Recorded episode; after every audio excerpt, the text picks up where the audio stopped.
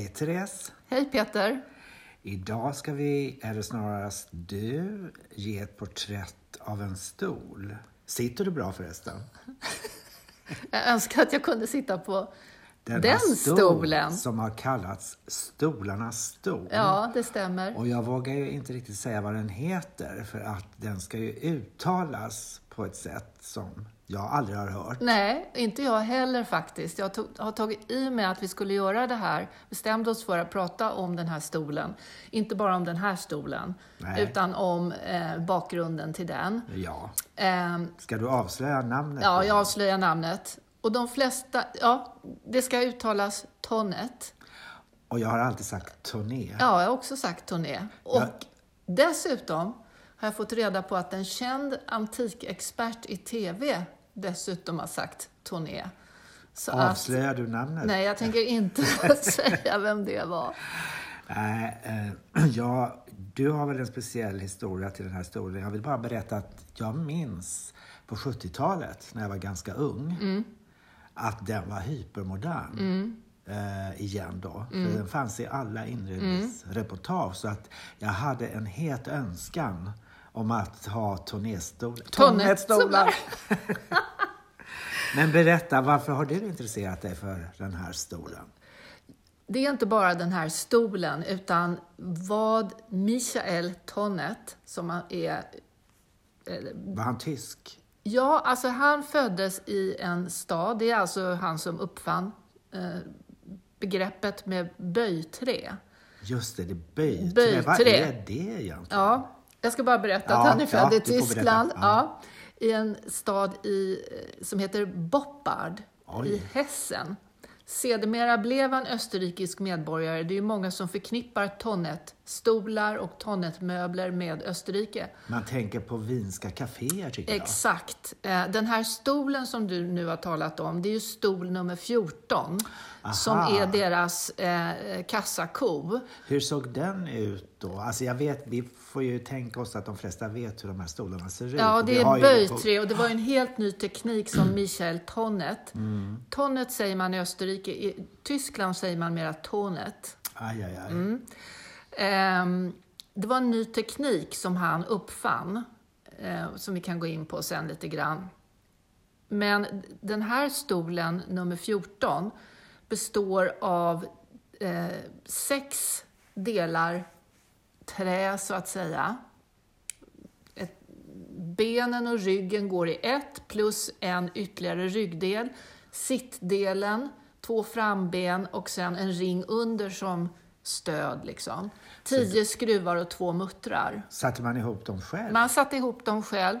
Michael Tonnet eh, var den som faktiskt uppfann platta paket och det var en av anledningarna till framgången, men nat- naturligtvis inte bara det. Men de här stolarna spreds över hela världen och liksom fanns i Sydamerika, i USA, i Ryssland, i Europa på många ställen. Ganska snabbt spred de sig. Och då var det i platta paket? Platta paket, Är det så fortfarande? Eh, Tonet har ju utvecklats väldigt mycket, så idag så är, de, är det de som till exempel tillverkar moderna stålrörsmöbler och Aha, liksom var de okej. som övertog Bauhaus-möblerna. Jaha, okej. Ehm, det var, ja, Men ska vi gå från början bör- då? från när, början. när föddes den, den här Tonnet? han föddes 1796 då Oj. i Boppard. Där. Och eh, när han eh, bara är 23 år så börjar han experimentera med trä, hur man kan böja det. Och det började med att han kokade trä i lim, någon slags ja, lime, ja, lim. Oj, Eh, vilka och stora sen- grytor han Ja, fast det var tunna, tunna, det var liksom tunna skivor av Aha, trä. okej. Och sen så klistrade han liksom ihop dem eh, Okej, i lager och kunde kunde böja böja. ja. Eh, men det, den tekniken övergav han så småningom. Den tekniken som han sen använde och han uppfann ju själv eh, maskin för att kunna göra detta. En ångmaskin, dampfmaskin, eller dampfkessel. Så att man slutar då med de här tunna Ja, skivorna? Ja, därför att, inte, jag vet inte varför, men bland annat så var det så eftersom eh, stolarna eh, exporterades till varmare länder så, blev man, så funkade inte de här stolarna som hade limmats ihop i skikt, för de liksom sprack upp i värmen. Det ska inte vara tunna skivor. Det ska det icke vara. Jaha, så att han kunde då uppfinna en ny teknik. Ja, han uppfann en ny teknik. Han, uppfann, han liksom byggde maskinen själv. Men när, sa du det, när kom den första stolen? Den här, var det 14 du Nummer sa? 14 eller? var inte först. Nej, ett måste väl ha varit först? Ett, har var, eh, ett var först eh, och just nu kommer jag inte ihåg när Nej, det men, var. Men det var ju på 1800-talet då alltså? Ja, oh ja, ja, oh ja. För att han var ju 23 år eh, i början på 1800-talet när han stod där i sin lilla verkstad i ja, mm. Tyskland. Men sen var det så att han eh, så småningom var med på en utställning i Koblenz, som också är i Tyskland. Och då kom Fürst Clemens von Metternich, som också Oj. var från Koblenz, Ja. råkade vara där. Han var på den tiden, han är ju också född i Tyskland då, Jaha. men han har, jag vet inte, jag har inte pluggat in honom, men han var österrikare och en den som faktiskt styrde och ställde i Österrike vid den här tiden. Och han var bland annat utrikesminister och statskansler. Hon hade massor, Jaha, med, han han, massor med titlar. Ja. Och han såg de här möblerna, eh, stolarna, som eh, Michael Tonnet då hade designat och tyckte att de var toppen Mm. och tyckte att eh, jag tycker du ska komma till Wien faktiskt. Vilket han då gjorde året därpå, 1842. Så flyttade Michael Tonnet till Wien med sin familj. Producerade han stolarna där också då? Till början så gjorde han inte det, för att från början... Ja, ja det gjorde han ju Ja, såklart ja. Mm. så småningom. Eh, bland annat som en liten bisats kan jag säga att, eh, som jag hittat på ett ställe, så hade de en fabrikslokal i där Hundetwasserhaus ligger. Oj, allt Alltså, går ihop. Allt går ihop, ja. Där hade de en, en verkstad. Men sen fanns de även på en gata som hette, på den tiden, Gumpendorfer Hauptstraße och jag tror att den heter Gumpendorferstraße nu för tiden, men jag är inte hundra. Men där höll de till. Ehm, Får jag fråga, fick han patent på den här ja, stolen? fick För så småningom fick han det. Det fick han? Ja, det fick han. Men patentet gick ut. Men han kämpade mycket för det här patentet och han fick, nu kommer jag inte ihåg turordning, men han fick ibland nej på patent, men till slut fick han patent. Men när han kom till Wien så frågade du om han började tillverka stolar. Det gjorde han egentligen inte direkt, för de hade inte, han hade inte pengar till det. Han hade en stor familj.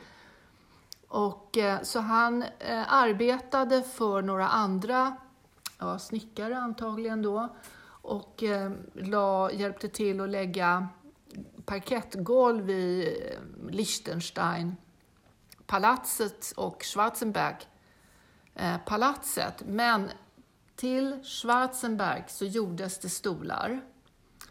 Eh, jag tror att de kallas för Schwarzenberg-stolarna. Och jag är inte hundra på... Jag tror, jag ska måste kolla här nu. Eh,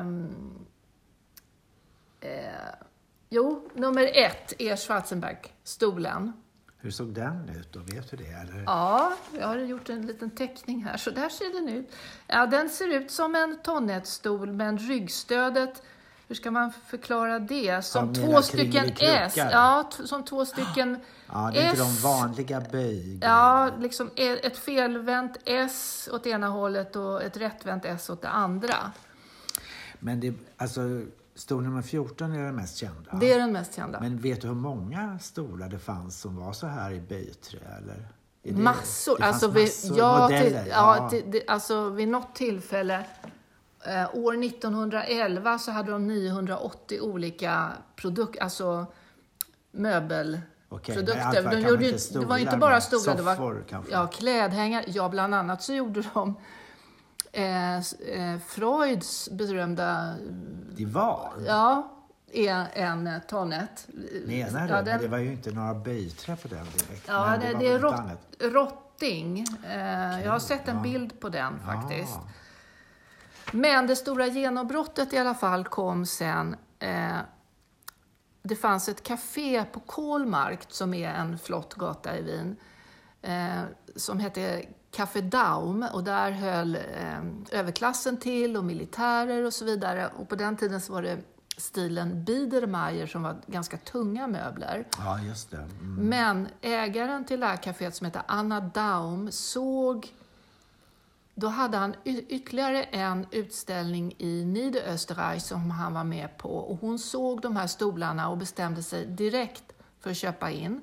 Och det var stol nummer fyra som också har kringelikrok Ja. ryggstöd. Ja. Jätte, alltså jag älskar nummer fyra, jag tycker den Aha, är okej. jätteläcker. Eh, så hon köpte in eh, och bytte ut alla sina stolar och det blev en stor succé. Och grejen med de här stolarna är dels att de då är lätta. Kan ju tänka dig Mm. Ja. liksom man ska sopa golv och man ska flytta på dem och just sånt det. där. De är lätta och de är väldigt hållbara. Eh, och de var billiga. Var de det? Ja, de, okej. kost, ja, de var billiga. Mm. Man Det kunde var ju inte så mycket... Ja, dem. det var... Eh, Är det världens mest sålda stol? Ja, jag tror det. År 1930 hade man sålt 50 miljoner av bara Oj. eh, nummer f- 14. 14. Ja. Ja. Jag tänker att jag gillar nummer 30. Hur ser den ut? Jo, men det är en oftast tror jag svart stol som faktiskt har armstöd. Ja, just Och är det. väldigt snyggt svängd. Ja, men det finns flera modeller med armstöd. Ja, okej. ja, jag får Men kolla in jag nummer har 30. råkat just se den Ja. här. Otto Wagner, som var en av grundarna till Die Secession i Wien, som är ett eh, Nu fint, får du förklara vad det är. ja, det är ett fint eh, konstmuseum i Wien. Vad, vad betyder secession? Ja, det vet jag inte. Nej, nej. Nej. Eh, han, för de har sedermera, nu hoppar vi fram och Ja, tillbaka det här, men det, så får det bli. Ja. Har jag hört. Han, för de knöt designer till sig så, liksom mer och mer Ja, eh, med, med, år, med åren. Nu, nu, Var han död? Är han död nu? Tommy? Ja, han, han dog, när var det? Eh, 1871, tror jag. Hade han anhöriga, arvingar som kunde Ja, alltså fortsätta? han- Hans ja, familjen, Ja, finns de oh ja. kvar? ja. Aha. Grejen är, alltså han var ju chefen och sen hade han en stor familj. Det var ju fem bröder. De kallade sig för, han döpte firman till Geb- Gebrüder Ah. Tonnet. Ja, Och jag har läst på ett ställe, och det är det, det är det man hela tiden läser. Man läser om det här, så är det hela tiden om de här fem bröderna som övertog. Ehm, Men på ett ställe har jag hittat att han faktiskt hade 13 barn. De andra Oj. dog. Han hade ytterligare två Ah, söner ja, som dog ja. och resten eh, flickor då det var ju så också. hög barnadödlighet. Ja. Eh, och en av eh, bröderna Tonnet, Frans, den, den äldsta, apropå liksom att det går vidare i generationer. Så, eh, han, ha- den äldsta då, när han dog, eh, Michael, en- Michael Tonnets son, så var han, han hade ingen familj och då hade han skrivit testamente till sina vad heter det, syster, bror, brorsöner och brorsbarn. Eh, och för att ärva hans delar. Ja. Under förutsättning att de aldrig lät sig adlas. Okej, jaha. Ja. Men även för att gå tillbaka till hållbarheten så måste jag också berätta en anekdot. Att eh, det var världsutställning, jag tror 1857 tror jag, i Paris. Så råkade man tappa en stol från Eiffeltornet. Oj, hur lyckas man med det? Jag vet inte, men det gjorde man. Det Den något tappades. gräl på en restaurang? Ja, det måste ha varit något. Det fanns väl kaféer i Eiffeltornet? Det var från ett café Ja, i ja. Eiffeltornet. Mm. Och den stolen höll. Ja, det var ju fantastiskt. Ja. Men vad jag undrar lite, är de bekväma egentligen? Kan man säga det? Ja. Kan man sitta länge i en tonnettstol? Det är svårt att svara på. Ja. Men då måste jag säga att det finns, och det här tycker jag är så himla roligt. Jag, jag bläddrar här nu för jag måste få Ja. fram den exakta ordalydelsen som jag har översatt från tyska. Oj, ja. Ingen mänsklig verksamhet eller position lämnades obetraktad och förseddes med något böjt från bröderna Tonnet. Ah. Det tycker jag är ganska man Ha. roligt. Man Ja. skulle ha något böjt. Ja, och det, liksom att de studerade den, men det Ah. låter som att de studerade den mänskliga kroppen Ja, och liksom byggde Mm. efter det. Apropå kan man sitta. ja. Ja, det beror väl på människan själv om den klarar av. Men vad jag skulle Det säga om Otto Wagner. Nätta, nätta och fina stolar tycker jag.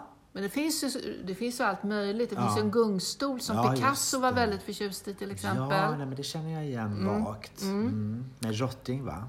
Ja, Eller just det. Rottingsits, eller vad Ja, säger man? ja. Jo.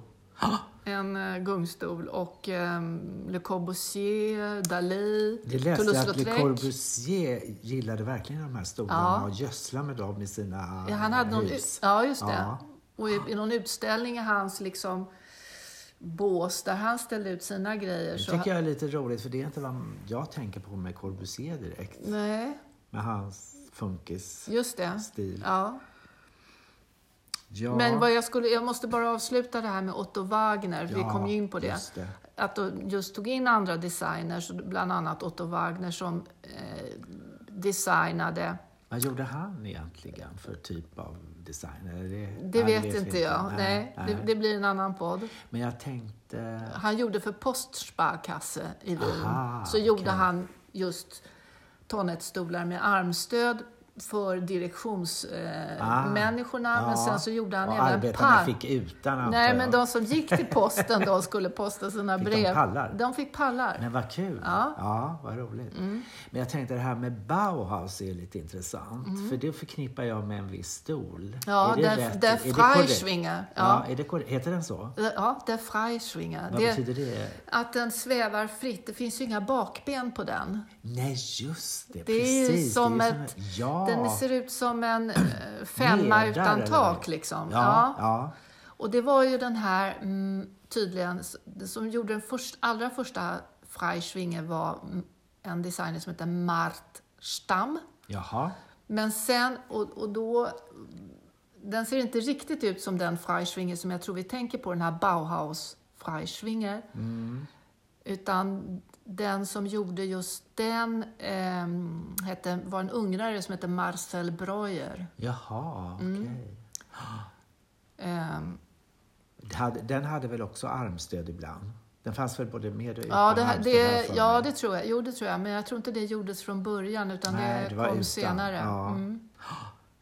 Jo, men de är ju väldigt fina. Det är bara det att rottingen får man väl byta ut efter ett tag. Ja, rotting ska man ju behandla, ska man smörja in med lite vatten då och då. Ska man? Eller smörja in, ja. Det visste jag inte. Ja, för Duscha att den ska, lite ja, duscha lite. Ja, för att det ska hålla sig. Men allvarligt talat, jag är ju mera förtjust i de gamla tonnetmöblerna. Det är de jag eh, framförallt gillar. De första liksom, Ja, klassiska. ja, de Jo, klassiska i de man böj gillar. tre. Det är ju de man gillar. Jag ser ju att du har det här. Jag är det riktiga tonnettstolar du Det är vad jag har fått mig sagt, men jag är inte så himla säker därför att jag vände på dem för ett litet tag sedan Ah, för att titta efter stämplar. Och visserligen har mina stämplar, men inte sådana som jag egentligen ville hitta. okej. Om de eh, allra på 1800-talets stämplar, naturligtvis är de här stolarna inte så gamla, men de är ganska gamla tror jag. Mm. ja. Men eh, på 1800-talet, för att undvika kopior och för att visa att det kom från tonnet, så skapade man ett, eh, en logga kan man säga, som var en sol Ja, med åtta strålar. Mm, hade de. Men när man då själv satte ihop de här, Mm. Är det skruvar eller är det bara pluggar? Nej, eller det är man... nej, det är det är skruv- skruvar skruv. som du skruvar Ja. Ja. De är väldigt hållbara. Stol nummer 18 ja. sägs kunna eh, ta eh, 6 ton. Är det sant? Kan det stämma? Eh, det står så i mina papper. Fantastiskt. Mm. Ja. Det är väldigt mycket. Men alltså... Och det här, så här ser stol nummer 18 ut. Den påminner faktiskt väldigt mycket om stol nummer 14. Stol nummer 14 har ju ett ryggstöd som bara är delvis sammankopplat med det stora yttre ryggstödet medan stol nummer 18s ryggstöd går ner i sitsen. Liksom. Min, mina stolar ser ju mer ut som stol nummer 18. De är ju ganska lika den klassiska, men det är lite grann som skiljer alltså här. alla är ju klassiska, Ja, men du menar 14? Ja, jag menar 14. Ja, Ja. Som nu heter 214. De har Ja, ju byggt, varför ja, det? Jag vet inte, men de, De har har ändrat, alla, de alla har, lite. Ja, De har, eh, alla har fått liksom nya namn men som Ja. anknyter till de gamla. Jag vet inte Görs varför. de nya, ser de lite annorlunda ut förstås, även 14? Alltså jag tänker i träet, hur det ser ut och hur det är behandlat. Vet att de är gjorda av bok i början. Ja. Vad de gör, om de tillverkas idag, vad det är för trä, det vet jag inte. Men det var bok och Ja, de la ju... det. Det blev ju så att eh, Michael Tonnet eh, anlade fabriker i Mären, som är eh, Tjeckien alltså. Mm, just det. Och den, första, ja, den första fabriken låg i en stad som heter Korytschan och där fanns det stora bokskogar och billig arbetskraft. Så det var ju många människor som behövde arbete som fick då jobb i de här fabrikerna och det utökades så att till slut så fanns det sex fabriker på olika ställen i just Tjeckien. Just Corbusier då, som älskar de här stolarna, han gjorde Mm. ju besök har jag läst. Jag kollade, och gjorde också lite research och sa, för att dels var ju Tonne tydligen kända för att de hade bra försäkringar för arbetarna och så här. Men Corbusier ansåg att det rådde inferno. Jaså? Det har inte, det har, Ja, jag vet inte riktigt vad Ja. han menar med det. Men det kan Men- vara skulle gå snabbt allting. ja, ja, jag vet inte. Men, Men- det, när de gjorde de här stolarna i, i sina ångkastruller, Ja, dampkessel, Stora kastruller. Ja, som de la ner träet i och så fick det, pressades det in ånga och flera tim, timmar, timmar tills träet var alldeles mättat. Och då kunde man ta ut träet och så hade de byggt då formar så man kunde böja träet och då liksom knäcktes inte fibrerna utan då höll fibrerna. Och sen var det även så att de hade ju liksom vissa eh, delar som man kunde göra olika modeller. Man hade grunddelar Ja, och så och så kunde kan man liksom... av grunddelarna ja, satte man ihop till man nya. ihop nya Ja. grejer. Ja. Men jag tänker de här stålrören sen, gick de att böja också då? Ja, det borde de väl ha kunnat ja, det göra har de väl gjort på något annat sätt. något annat det har jag sätt. faktiskt inte läst om nej, alls. Man Jag är, hettar upp dem. jag är Vi intresserad håller av... oss till trä, böjträstolarna. böj- Det är böjträstolarna vi pratar om. Men de här fabrikerna då, finns de kvar idag? De där tre, eller vad var det du sa? här- Var det tre fabriker? Nej, eller? sex till slut. Oj, ja, du sa det. Just det. Ja, och eh, det, fabriken är, eh, där den ligger idag he- heter, i Tyskland heter Frankenberg. Jaha. Och där grundades en av de här, men den fabriken förstördes i kriget, men byggdes upp igen. Och apropå kriget, jag bara måste få ur mig allting Ja, här som jag du läst på. Så, Prata på. ja, podda du behöver på. inte, behöver inte fråga någonting Nej, jag ska, Peter. jag ska vara tyst. Okej, då är jag tyst. Nej, men vad de gjorde, en uppfinning som de gjorde var något slags, eh, de gjorde hjul till kanoner och med något fiffigt nav som gjorde att om en eker, de här hjulen, tänk er de här stora hjulen med ekrar, Ja. och så går en eker sönder. Och då var de här naven så fiffiga så att man behövde liksom inte demontera alltihopa utan det var bara snipp snapp Ah. så kunde man byta ut den där Oj. eken. Ja, och sen fiffigt. efter kriget Mm. efter kriget så började de tillverka sjukhusstolar naturligtvis. Som heter Siesta, heter deras. Alltså för de sjuka? För göra folk som Ja. har blivit skadade i kriget, som Oj, har oj, fått oj. bli av med eh, ben och allting. En sån typ av bår, fast stor. Nej, det ja, var stolar. stolform. Det var Ja, stolar. ja. Det var inte rullstolar som jag har Mer sett. som Men en liggstol eller ja, slag. lite bekväma fåtöljer sådär. Siesta heter den aha, stolen. ja. Och sen måste jag också berätta att kejsarinnan Sissi, Ja, Hon hade en tonnet när hon var ute och gick. En käpp som samtidigt var en pall. jag Som hon förstår. kunde så liksom- man kunde fälla ut på Ja, något sätt. kunde hon sätta sig vad när hon blev trött. Ja. Ja. Ja. ja. Vad, men de är, vad, fråga är det, är de igång idag? Alltså, De är igång Ja. Mm. i den här fabriken Frankenberg och familjen Tonnet är fortfarande eh, verksamma. Men något patent har de väl inte i egentlig mening? Jag tänker på att Alltså det är ju, det finns, vad jag, vad jag har förstått så finns det tre tillverkare av den här typen av möbler. Det är Tonnet i Frankenberg och det är, där, det är liksom ursprunget och det är där familjen Mm. håller till. Där finns även ett museum Ja.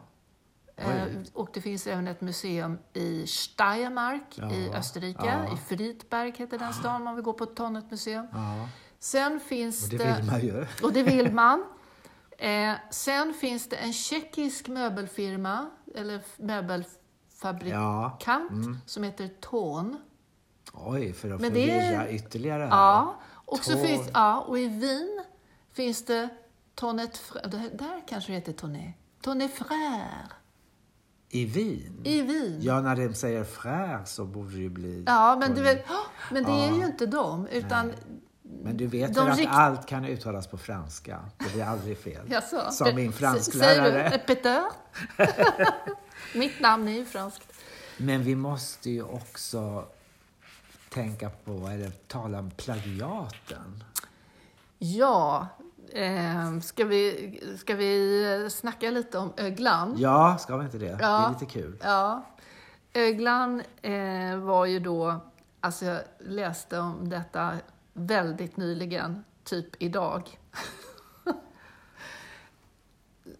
Öglan lanserades tydligen 1961 eller 62. Det står på olika ställen. Ja. Du har fått fram 1964. Ja, fick jag fram Mm. en bok. Ja. Men jag läste då att Ingvar Kamprad reste iväg med sin far plus Gillis Lundgren, en designer, ytterligare en designer som jag glömt namnet på, för att leta efter inspiration och möbler att köpa in till Jaha, IKEA, okej. Ja.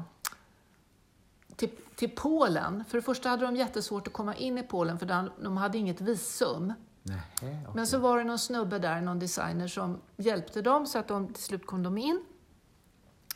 Och, alltså det är så konstigt, då, då står det, och det här kan man läsa på Ikeas eh, museumhemsida, Ja. där de har en... ja, de har ju ett museum i Ja, precis. Och där berättar de om öglan då, den här stolen som ser ut som nummer 18 Mm. De är tror faktiskt jag. ganska fina. Jaha, jag trodde det var nummer 14. Nej, jag tror att det är Ah, okej. 18. Ja.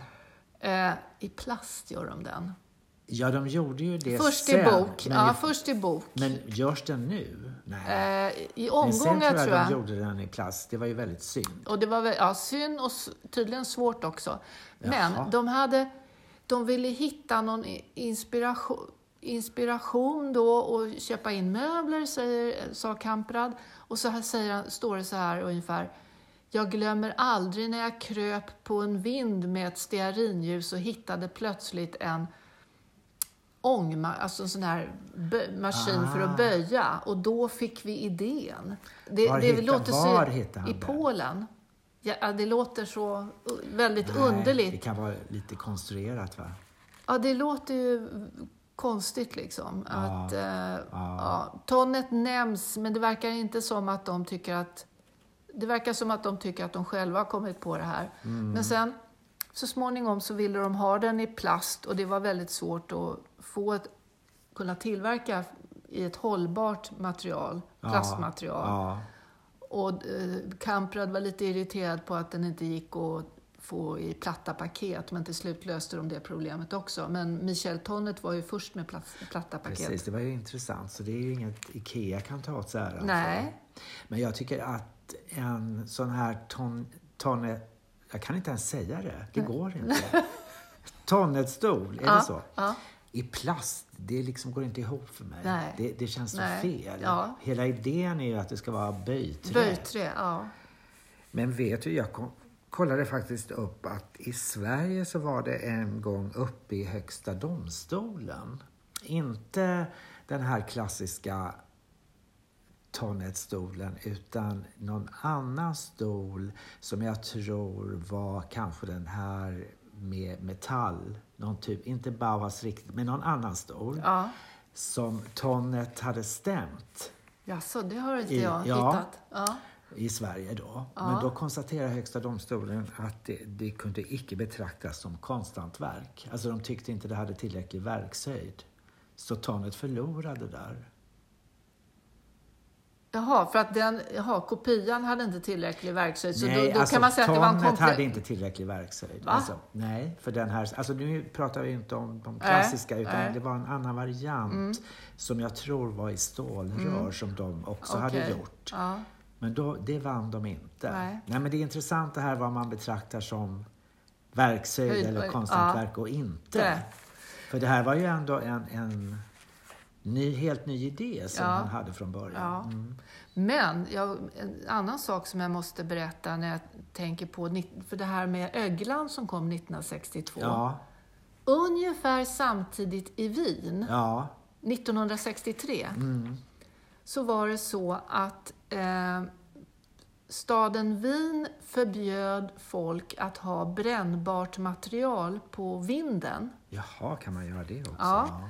Så att folk var tvungna att eh, göra sig av med allting som kunde orsaka eldsvåda.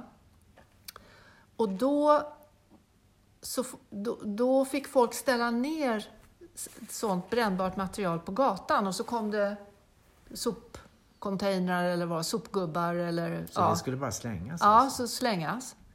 Då var det nämligen så att jag, som ju bodde i Wien, Ja. lärde känna en, en gallerist. Eh, det var han ju inte då, då var han väldigt ung, som heter John Seiler. Han blev sedermera en väldigt berömd gallerist i Wien. Jag lärde känna honom precis när han öppnade sitt Ja, ja. galleri i Wien, Ja. Ulysses. Han, och han berättade den här historien för mig. Och sen har jag hittat den, så det går, det går att hitta den när man googlar. Och man googlar John Seiler och Tonnet eh, så hittar man den här historien.